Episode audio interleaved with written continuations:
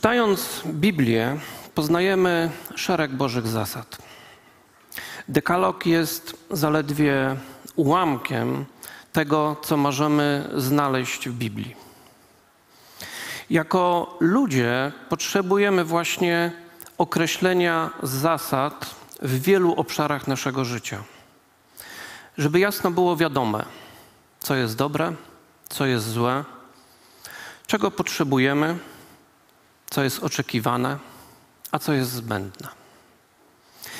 I znajomość zasad i stosowanie ich ułatwia nam współpracę, relacje z ludźmi i uniknięcie konsekwencji, których nie chcemy.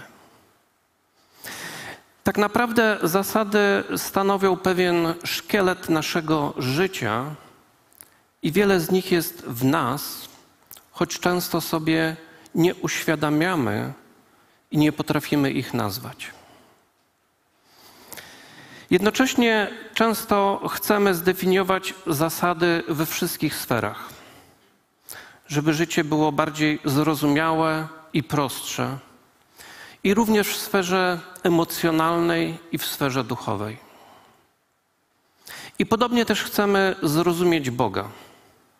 O co mu chodzi?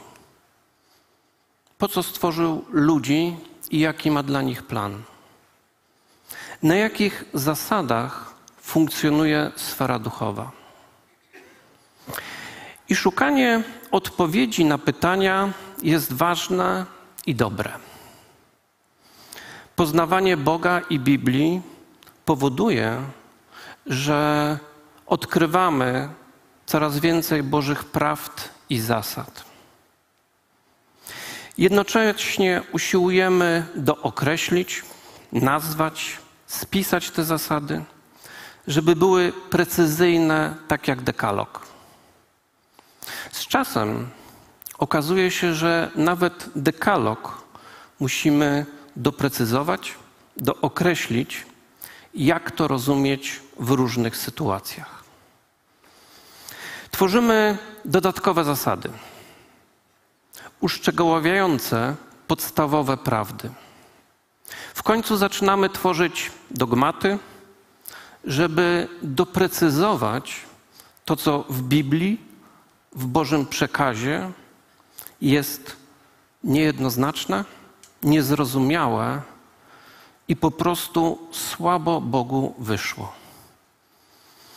I takie autorytatywne stwierdzanie, co Bóg miał na myśli w danym biblijnym przekazie, jest ryzykowne, a czasami pewnego rodzaju arogancją wobec Boga, z naciskiem na to słowo czasami. I w tym wszystkim dobrze jest poznawać Boga i Biblię. Dobrze jest mówić, jak ja to rozumiem. Dobrze jest nauczać i przekazywać swoje postrzeganie Bożej rzeczywistości. Ale potrzebna jest pokora i miłość. Potrzebna jest pokora, żeby uznać, że to nie ja mam najlepsze poznanie i zrozumienie Biblii i Boga. Żeby uznać, że mogę się mylić, że ktoś inny może mieć rację i lepsze poznanie. Potrzebna jest miłość, żeby nie odrzucać ludzi, którzy myślą inaczej, działają inaczej i robią rzeczy, których nie akceptujemy. Potrzeba jeszcze więcej miłości, żeby nie odrzucać członków wspólnoty, całego Bożego Kościoła, którzy mają inne poznanie i zrozumienie Boga, Bożych zasad, którzy służą w inny sposób, robią inne rzeczy we wspólnocie. Często potrzeba dużo więcej miłości, żeby kochać swoich bliskich i współbraci. Dlatego zacznij choćby od tego, żeby ich nie odrzucać. Jeden pastor opowiadał mi taką historię, która zresztą wydarzyła się kilka lat temu na tej sali. Była konferencja Toda White'a, który jest ciemnoskórym ewangelistą z dredami, także już sam dziwnie wygląda. I ten pastor miał takie rozumowe, intelektualne podejście do wiary. Ale akurat z jego zboru ludzie się wybierali na, wybierali na tą konferencję i zachęcili go, żeby pojechał z nimi. Akurat miał czas, stwierdził, że pojedzie z nimi, żeby udowodnić im, że te rzeczy, które się często dzieją w takich konferencjach, to tylko są emocjonalne wrażenia. I będąc na tej konferencji, słucha, co mówca mówi, słyszy jedną rzecz i mówi, nie, z tym się nie zgadzam. Coś słyszy za chwilę drugiego, mówi, też się z tym nie zgadzam. Słyszy trzecią rzecz i mówi, nie, z tym też się nie zgadzam. I tak sobie już w myślach kasuje mówcę, odrzucam go. I w tym momencie sam mi to opowiada, jak słyszy, kiedy Bóg do niego mówi: Ty nie oceniaj, tylko słuchaj. W związku z tym zreflektował się szybko i słucha dalej. W trakcie tej konferencji był też taki tunel ognia, gdzie ludzie przechodzą, inni ich błogosławią, dotykają, modlą się. Członkowie jego zboru też wychodzą. On mówi: Dobra, słuchajcie, ja też wyjdę z wami, doświadczę tego samego co wy i przekonam się, czy tu jest jakakolwiek duchowe działanie, czy to jest tylko emocjonalność. Wyszedł, przeszedł przez ten tunel, niektóre osoby znał, w związku z tym fajnie tego. Przeszedł, nic się nie wydarzyło, siada i potem wracając do swojego miasta razem z członkami zboru, mówi tak, i słuchajcie, i to dokładnie tak jak wam mówiłem, to są tylko emocje. Ludzie przychodzą nastawieni i po prostu już samo nastawienie powoduje, że mają emocje, upadają, różne rzeczy się dzieją. I z takim przekonaniem i z takim nauczaniem zasypia. W niedzielę ma mieć kazanie i opowiada, mówi, może za dwa razy w życiu mu się to zdarzyło, ale w nocy go budzi Pan Bóg i mówi do niego tak. Ty niedowiarku, ty sceptyku, ty myślisz, że ja mogę działać tylko przez ludzi doskonałych? Ja mogę działać przez ludzi niedoskonałych, a nawet przez niewierzących. Rano w niedzielę musiał trochę pozmieniać swoje kazanie.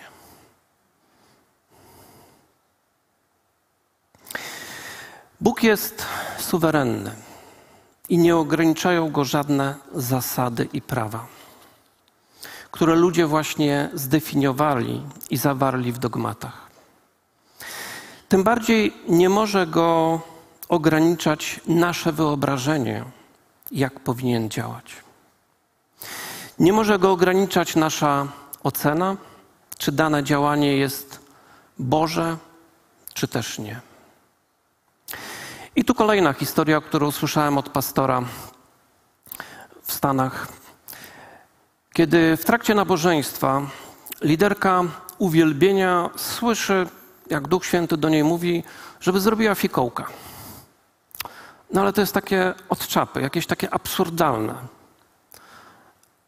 Ale słyszy, ma takie przekonanie, że słyszy, żeby zrobiła fikołka na scenie w trakcie uwielbienia robi tego fikołka.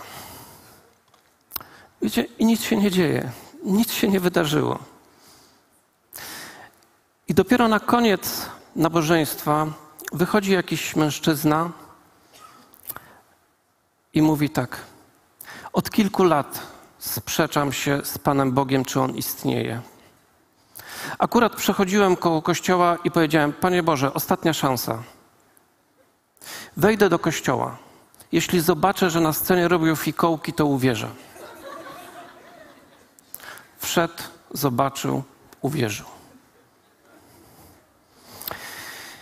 I wiecie, im więcej staram się poznać i zrozumieć Boga, tym więcej odkrywam zagadnień, których nie rozumiem.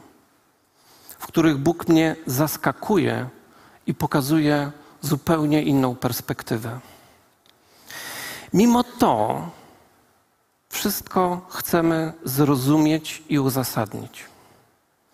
I w sytuacji, kiedy spotyka nas coś złego, wypadek, choroba, szukamy odpowiedzi na pytanie: dlaczego mnie to spotkało? W tym momencie pojawiają się różne biblijne zasady, które podsuwają nam uzasadnienie właśnie na przykład naszej choroby. I zasada numer jeden. Karą za grzech jest śmierć. Jeśli spotyka cię coś złego, na przykład choroba, to musi to być konsekwencją grzechu. I tą zasadę możemy znaleźć w Ewangelii Jana. Później spotkał go Jezus w świątyni i rzekł do niego: Oto wyzdrowiałeś, już nigdy nie grzesz, aby ci się coś gorszego nie stało. I zwolenników tej zasady możemy też zobaczyć w Ewangelii Jana w dziewiątym rozdziale. A przechodząc, ujrzał człowieka ślepego od urodzenia. I zapytali go uczniowie jego, mówiąc: Mistrzu, kto zgrzeszył? On czy rodzice jego, że się ślepym urodził? Domyślnie zakładają, że ślepota od urodzenia jest konsekwencją grzechu. Jedynie nie wiedzą, kto zgrzeszył on czy jego rodzice. Pastor Paweł Godawa, kiedy zachorował na raka, spotkał się z taką postawą ludzi, którzy otwarcie wręcz komunikowali mu, że choroba jest konsekwencją jego grzechów i od razu, wali, i od razu wskazywali, których, bo uważali, że niektóre znają. A taka postawa jest mocno raniąca. Ale jest też zasada numer dwa. Jeśli dotyka cię choroba lub inna niechciana rzecz, to znaczy, że atakuje cię zły duch. A ataki będą tym większe, im robisz większe i ważne rzeczy w Bożym Królestwie. I o tej zasadzie często słyszę również w naszej wspólnocie. Ktoś słyszał o tej zasadzie? Dobrze. Jest też zasada numer trzy. Jeśli nie dbasz o zdrowie, to naturalną konsekwencją może być choroba. Tej zasady osoby mocno charyzmatyczne często nie traktują zbyt poważnie, bo jest mało duchowa. Poza tym wymaga własnego wysiłku, a łatwiej jest to zrzucić na złego albo na Bożą wolę. Każda z tych zasad jest prawdziwa, i mógłbym w osobnych kazaniach na podstawie Biblii pokazać i udowodnić jej działanie. Problem w tym, że zasady te w dużym stopniu wzajemnie się wykluczają. I trudno je jednoznacznie przypisać do określonych zdarzeń. Są jednak ludzie, którzy usiłują autorytatywnie stwierdzić, która zasada działa w Twoim przypadku. I czasami możemy mieć zdecydowane przekonanie, prowadzenie od Ducha Świętego, dlaczego coś się wydarzyło. Ale przekazanie tego drugiej osobie wymaga delikatności i miłości. Czasami możesz mieć poznanie na własny użytek, żebyś wiedział, jak możesz tej osobie pomóc, a nie po to, żebyś o tym mówił. I podobną postawę możemy mieć wobec siebie samych. Dlaczego coś mnie spotkało i spotyka? Możemy konsekwentnie brnąć w uzasadnienie na podstawie jednej z tych zasad, nie dopuszczając myśli, że może są jednak inne przyczyny mojej sytuacji. Dlatego nie bądź autorytatywny w ocenie siebie i innych. Weryfikuj swoje przekonanie, poznanie i postrzeganie różnych rzeczy. I to najlepiej z ludźmi, którzy myślą troszeczkę inaczej. Przyjmij postawę pokory i słuchania, a ogranicz chęć udowodnienia swoich racji. I tu można postawić pytanie: to skąd mam wiedzieć, co jest przyczyną choroby lub innych złych zdarzeń? Ja nie wiem. I ty też nie zawsze wszystko musisz wiedzieć. Na skutek wielu doświadczeń i ogromnej wiedzy możesz mieć jednoznaczne przekonanie, ale rzeczywista przyczyna może być inna. Bo cząstkowa jest nasza wiedza i cząstkowe nasze prorokowanie. I kiedy zwolennicy zasady numer jeden zadają pytanie Jezusowi, jego odpowiedź wywołuje konsternację. Odpowiedział Jezus: Ani on nie zgrzeszył, ani rodzice jego, lecz aby się w nim objawiły dzieła Boże. Czyli pojawia się jeszcze inne uzasadnienie, jeszcze jakaś zasada numer cztery, jakieś inne wytłumaczenie tego, co się stało.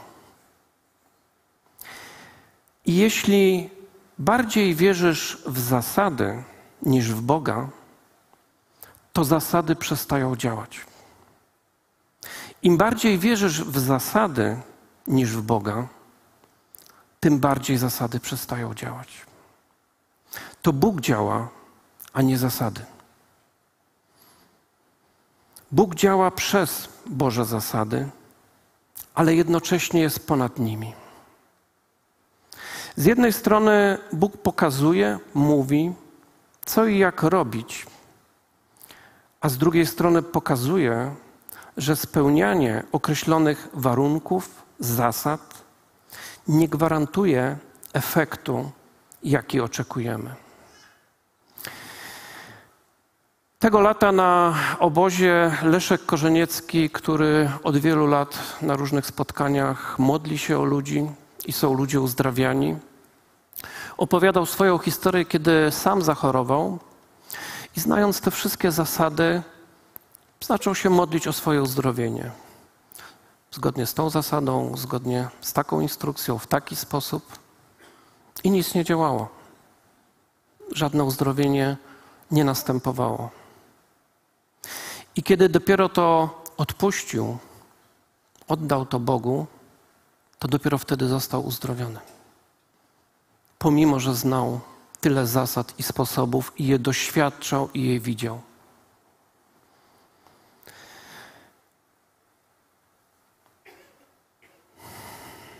To, co możesz zrobić, to ogłaszać Boże obietnice, przybliżać ludzi do Boga i okazywać im miłość, czerpiąc ze źródła Jezusa Chrystusa. Bóg się porusza jak chce i uzdrawia jak chce. To Bóg uzdrawia, a nie instrukcje, co jak zrobić, a czego nie robić. Uczenie się tych zasad jest mimo wszystko dobre, ale nie opieraj się na dobrym, doskonałym spełnianiu zasad, że to jest klucz do oczekiwania spełnienia efektu. Boże zasady są dobre i dobrze jest je stosować, ale one jedynie ułatwiają uzdrowienie. I ułatwienia są dobre, ale nie warunkują uzdrowienia i Bożego działania. Czy myślisz, że w niektórych przypadkach uzdrowienie jest tak trudne dla Boga, że potrzebuje ułatwień? Jeśli autorytatywnie mówisz o sobie, co musisz zrobić, żeby zostać uzdrowionym, że bez spełnienia podstawowych Bożych zasad ma małe szanse na uzdrowienie, to tak jakbyś mówił, że bez tego Pan Bóg nie da sobie rady. Jest za słaby. A krew Jezusa Chrystusa na krzyżu jest niewystarczająca. Musisz najpierw spełnić kilka zasad. Czy poznawanie i stosowanie Bożych zasad jest złe? Nie, jest dobre i do tego zachęcam. Ale jeśli będziesz wierzył bardziej właśnie w te zasady niż w Boga, to zasady przestają działać. Nie zastanawiaj się, co zrobiłeś nie tak, że Bóg nie zadziałał. Nie obwiniaj siebie i innych, że coś zrobili nie tak, jak należy. Nie przekonuj drugiej osoby, że przyczyną braku efektu lub niepożądanego efektu jest określona Boża zasada. Może tak, a może nie. Nie bądź autorytatywny w takich stwierdzeniach. Odrzuć chęć wytłumaczenia, dlaczego Bóg czasami uzdrawia, a czasami nie. Jeśli zaczniesz udowadniać, czego brakuje w działaniu określonej osoby, to że Bóg nie zadziałał w jej przypadku, to będziesz ją dodatkowo obciążał winą. I tu powtórzę historię, którą pastor Krzysztof może parę tygodni temu opowiadał, jak na konferencji podchodzi młody mężczyzna do Johnny, która uszkodziła w wypadku kręgosłup i od wielu lat była na wózku inwalidzkim, ale była ewangelistką, nauczała o Bogu, o uzdrowieniu i wiele uzdrowień się działo w trakcie tych spotkań. I ten młody mężczyzna podchodzi i mówi do niej: Bóg cię nie uzdrowił, bo masz za mało wiary w sobie.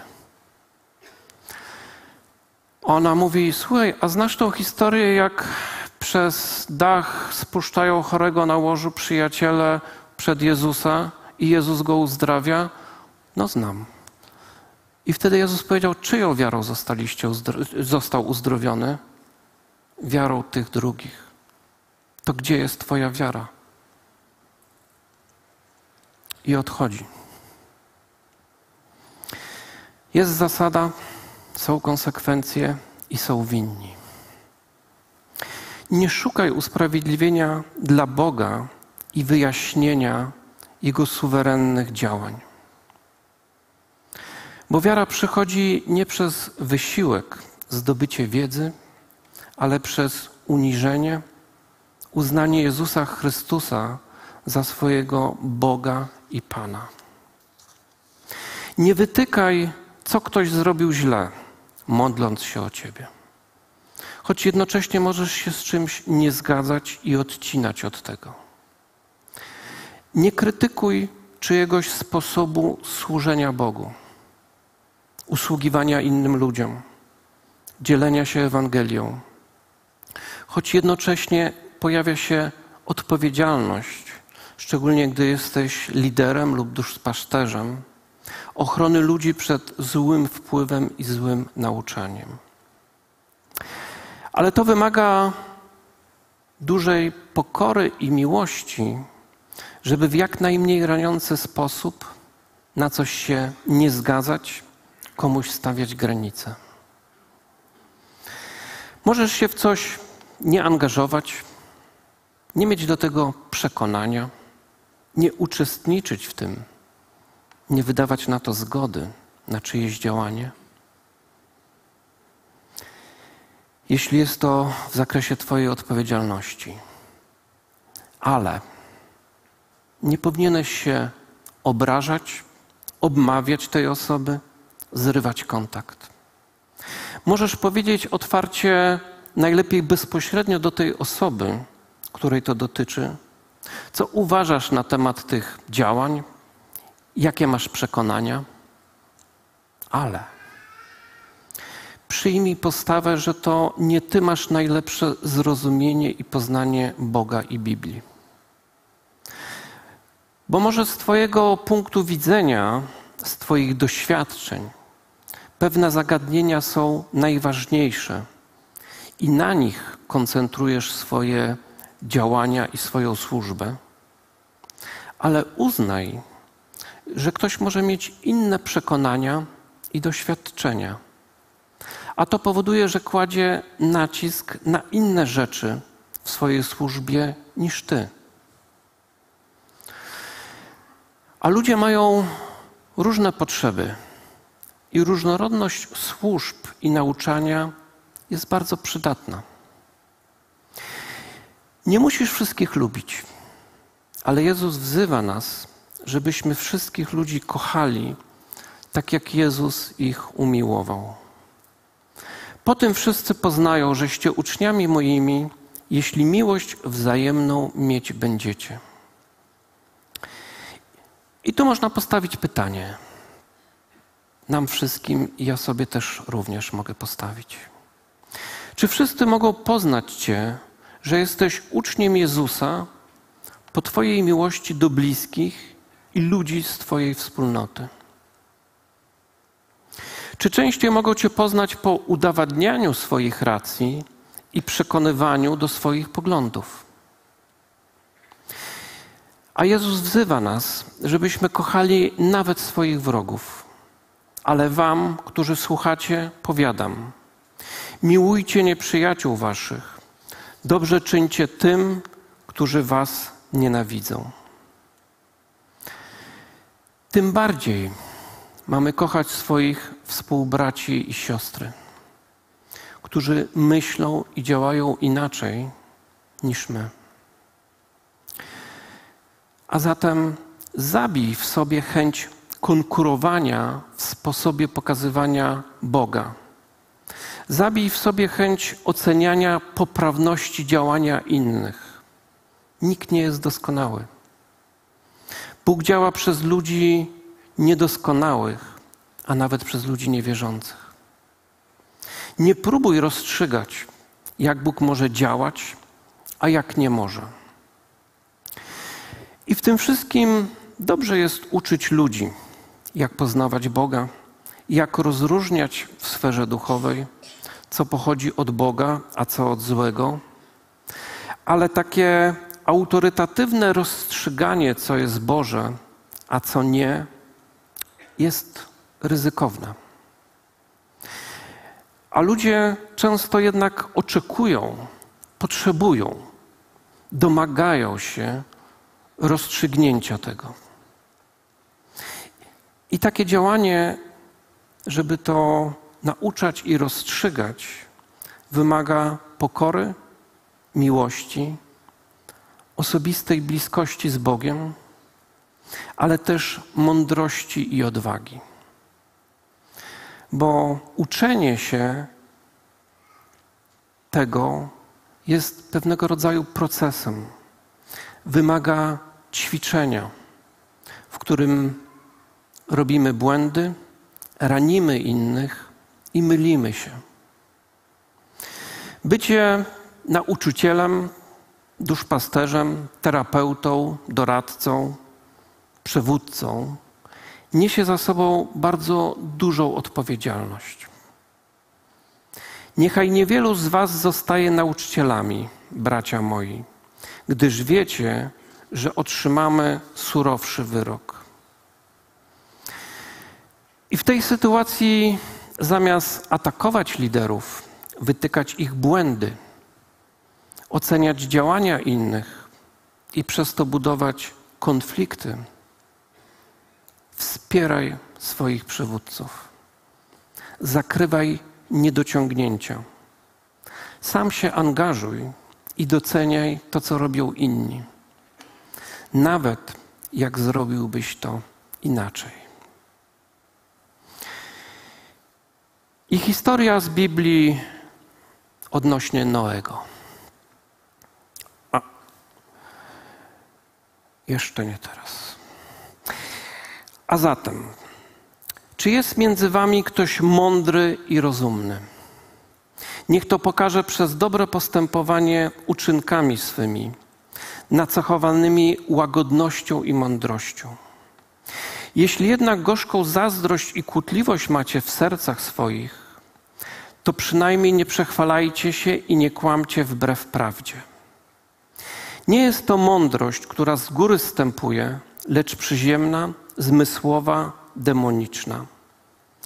Bo gdzie jest zazdrość i kłótliwość, tam niepokój i wszelki zły czyn. Ale mądrość, która jest z góry, jest przede wszystkim czysta, następnie miłująca pokój, łagodna, ustępliwa, pełna miłosierdzia i dobrych owoców, niestronnicza, nieobłudna. A owoc sprawiedliwości bywa zasiewany w pokoju przez tych, którzy pokój miłują. I bycie przywódcą, liderem, nauczycielem wymaga odwagi, żeby dalej realizować takie powołanie i narażać się na większe ryzyko. To wymaga odwagi, żeby pozwolić sobie na robienie błędów, umieć przeprosić, kiedy to sobie uświadamiamy. To wymaga odwagi, żeby umieć sobie samemu wybaczyć. Ale jeśli mamy problem z wybaczeniem sobie, pozwoleniem na ryzyko zrobienia błędu, ciągle zastanawiamy się, co ludzie powiedzą, jak to odbiorą, to wobec bliźniego też będziemy mieli problem z wybaczeniem. Będziemy innych atakowali za ich niedoskonałości, za ich błędy, które rzeczywiście zrobili, a najczęściej za to, że myślą i działają inaczej niż my. Jeśli atakujesz innych, oceniasz ich, oskarżasz, wytykasz błędy i potknięcia, to znaczy, że masz do przerobienia sporo z samym sobą i masz sporo do porozmawiania z Bogiem. Duch Święty wszystko ci pokaże, jeśli tylko szczerze tego chcesz. Jeśli jesteś gotowy uniżyć się, uderzyć w swoje własne poczucie wartości i zacząć się budować na pokorze, a nie na swojej wiedzy, przekonaniach, osiągnięciach i doświadczeniach. Jeśli chcesz kochać innych, to zamiast ich odrzucać, dystansować się od nich, wytykać im błędy, po prostu pomóż im. Dodaj im odwagi w ich służbie, w ich powołaniu i zakrywaj z miłością ich błędy i potknięcia. Noe, który był rolnikiem, pierwszy założył winnicę. Gdy potem napił się wina i upił się i leżał odkryty w namiocie swoim, a Ham, ojciec Kanaana, zobaczył nagość ojca swego i opowiedział o tym poza namiotem obu swoim braciom. Wtedy Sem i Jafet wzięli szatę, nałożyli ją sobie na ramiona i podeszli tyłem i przykryli nagość ojca swego. A ponieważ oblicza ich były odwrócone i nie widzieli nagości ojca swego, a gdy Noe obudził się po upiciu się winem i dowiedział się, co mu uczynił jego najmłodszy syn, rzekł: Niech będzie przeklęty Kanaan, niech będzie najniższym sługą braci swoich. Potem rzekł: Błogosławiony niech będzie Pan Bóg Sema, a Kanaan niech będzie sługą jego. Niech da Bóg i Jachwetowi przestrzeń szeroką i niech zamieszka w namiotach Sema, a Kanaan niech będzie sługą ich. Ale to były czyste fakty. Upił się i zachowywał się nieprzyzwoicie.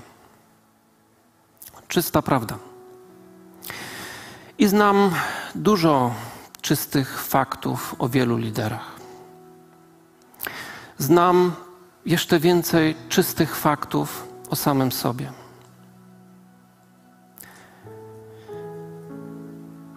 I być może to, co musisz w sobie zmienić, to nie być tak jak Ham. Szanuj autorytet innych. Nie bądź jak Ham. Kiedy chrześcijanin nie zgadza się z działaniem brata lub siostry we wspólnocie, ma inną strategię głoszenia Ewangelii, ma inne poznanie i rozumienie Biblii, to od czego najczęściej zaczyna atakowanie? Najczęściej atakuje wiarygodność współbrata i jego autorytet. Upił się winem i zachowuje się nieprzyzwoicie. Gorszy innych, daje złe świadectwo jako przywódca i lider.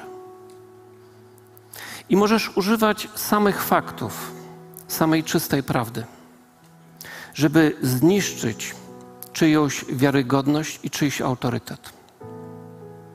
A ludzie, słysząc to, niemalże automatycznie dystansują się i wycofują się ze współpracy. Nie bądź jak Ham. Wspieraj i uzupełniaj słabości swoich przywódców, zamiast ich ośmieszać, odkrywać słabości i błędy. Miłość jest cierpliwa. Miłość jest dobrotliwa, nie zazdrości, miłość nie jest chełpliwa, nie nadyma się, nie postępuje nieprzystojnie, nie szuka swego, nie unosi się, nie myśli nic złego. Nie raduje się z niesprawiedliwości, ale raduje się z prawdy. Wszystko zakrywa. Wszystkiemu wierzy, wszystkiego się spodziewa, wszystko znosi. Gdybyśmy my wszyscy, i ja również, praktykowali taką miłość tu, we wspólnocie i w domu, i na zewnątrz, to pastorzy, liderzy, starsi w naszej wspólnocie mieliby o połowę mniej pracy. Są Boże zasady, biblijne zasady, które warto poznawać i praktykować. Ale ponad tym wszystkim jest Boża miłość, Boże miłosierdzie, Boża łaska, Boży plan dla każdego człowieka. I nie potrafimy ogarnąć Bożego działania. Nie możemy w pełni zgłębić Bożego działania. Możemy tylko zaufać, że On to ogarnia. Nic mu się nie wymknęło spod kontroli i robić swoje nieść z zaangażowaniem swoje odpowiedzialności i kochać wszystkich ludzi, niezależnie od tego, czy ich lubimy, czy nie. Amen.